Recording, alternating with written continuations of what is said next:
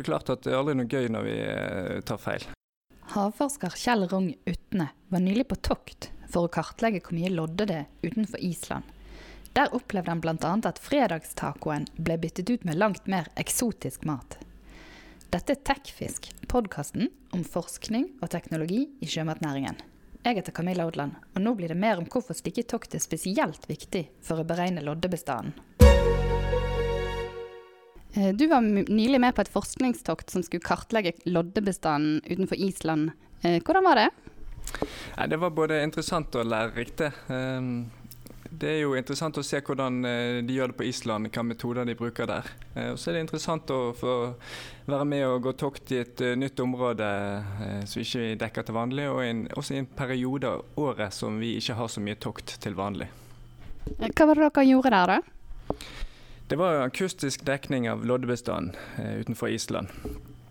Så det var et eh, tokt for å få et mål på gytebestanden som kommer inn nå om, eh, om vinteren til å gyte sør for Island.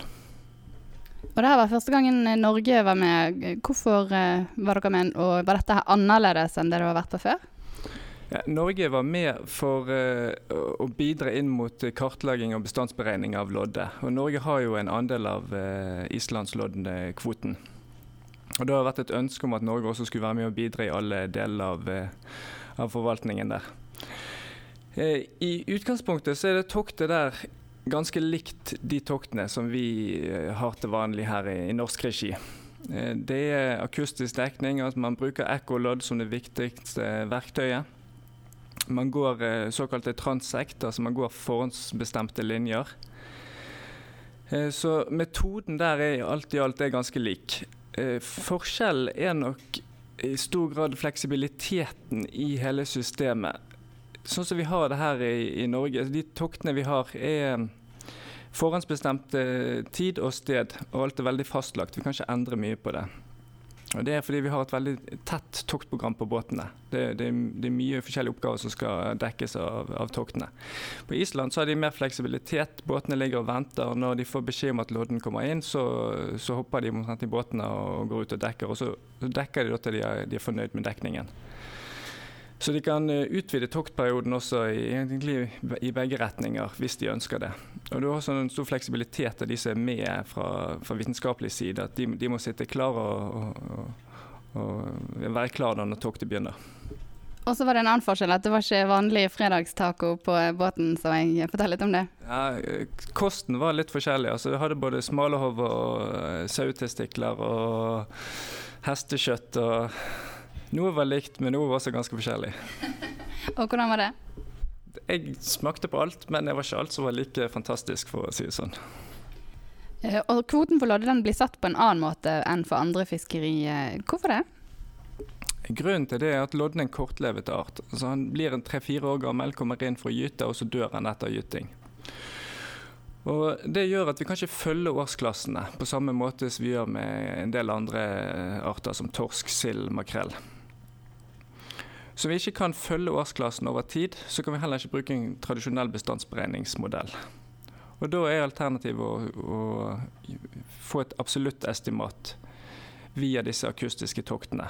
Så man går ut med tokt, og så ser man hvor stor er bestanden ut i det gitte eh, tidsrommet. Og det toktet du var på, det førte til at eh, kvoten for loddefisk i dette området økte. Eh, Hvorfor det? Ja, det, metoden her er at man går ut om høsten, så har man et tokt, og så uh, estimerer man hvor stor uh, gytebestanden kommer til å bli. Så uh, antar man en naturlig dødelighet uh, i løpet av vinteren. Mye avhengig av hvor stor eh, bestanden av eh, torsk, hyse og sei er.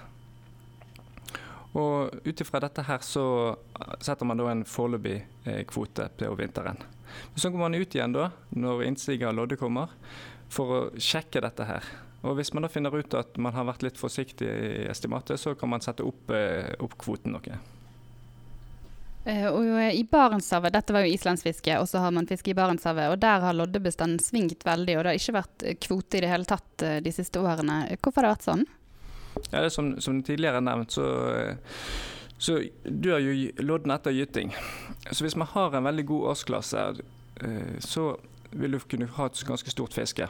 har du en veldig dårlig årsklasse, så igjen er det ikke rom for noe fisk i hele tatt. Og det vil alltid være variasjon i årsklassestyrke. Det er det for alle bestander. Eh, kanskje litt spesielt med lodden er at den er veldig utsatt for predasjon. Altså det er mange som ønsker å spise lodde. Så der har du både torsk, en viktig predator, eh, og så ungsild, faktisk. Hvis det er mye ungsild, så du kan spise loddelarver i det første året til lodden, eller første, første månedene, så kan det ha en ganske stor eh, påvirkning på årsklassestyrken. Og da kan du få sånne store variasjoner i, i kvotene som blir satt fra år til år.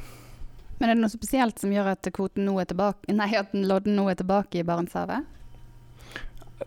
Har hatt uh, god rekruttering uh, for et par år siden. Så du har hatt uh, egentlig en god overlevelse som gjør at nå i år får du inn forholdsvis mye lodd for gyting i år. Og så har man tidligere sagt at loddemålingene kanskje har vært feil, at det har vært for strengt, at man kunne kanskje hatt kvote tidligere. Har dere gjort noen grep nå for å sikre at målingene blir mer riktig?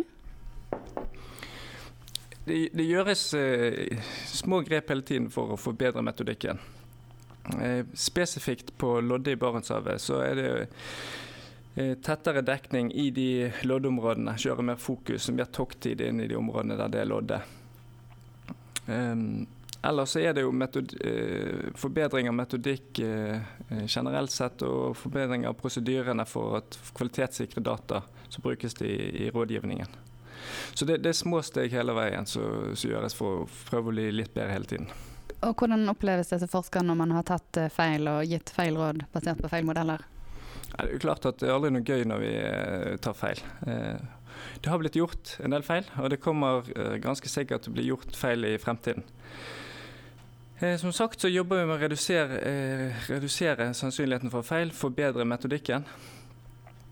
Eh, og Spesielt det å forbedre prosedyrene sånn at det ikke blir rom for menneskelige feil. Altså Du luker vekk de menneskelige feilene hvis det skulle skje.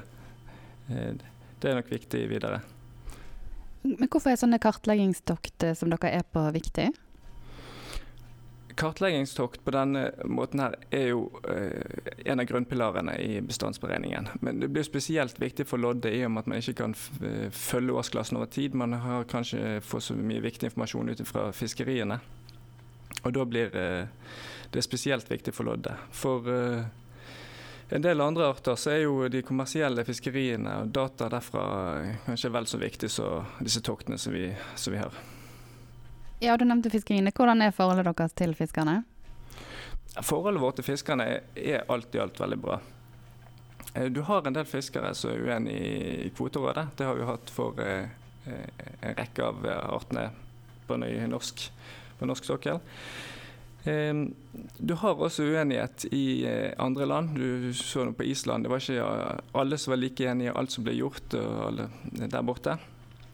Men alt i alt så vil jeg si at vi har et godt samarbeid. Vi har en eh, referanseflåte som vi har eh, godt samarbeid med. Vi har kommersielle båter som vi leier inn til tokt, så jeg syns vi har et veldig godt samarbeid med. Og vi får jo veldig mye verdifulle prøver eh, fra det kommersielle fisket fra en, en, lang rekke av båter som hjelper til med å sende inn prøver. Så alt i alt så syns jeg det er bra. Og sånn helt for din egen del, hva er det gøyeste med å være ute på tokt? Det er å det, er jo klart at det er interessant å komme ut der og så se hvordan det fungerer i virkeligheten. Ikke bare sitte bak et skrivebord, men å få oppleve hvordan det er å være ute på havet. Og med uvær og utfordringer og nye, nye, oppdagelser som vi har mulighet til å gjøre når vi er der ute. Så det er jo det å kunne være ute i feltet når du er en biolog, er jo klart at det er mest interessante. Yes, da lar vi det være siste ord. Tusen takk skal du ha. Takk skal du ha. Du har nå hørt på Tekfisk, podkasten om teknologi og forskning i sjømatnæringen. Du kan abonnere på podkasten i iTunes eller din faste podkastspiller. Spre gjerne ord om podkasten til alle du kjenner. Vi høres igjen!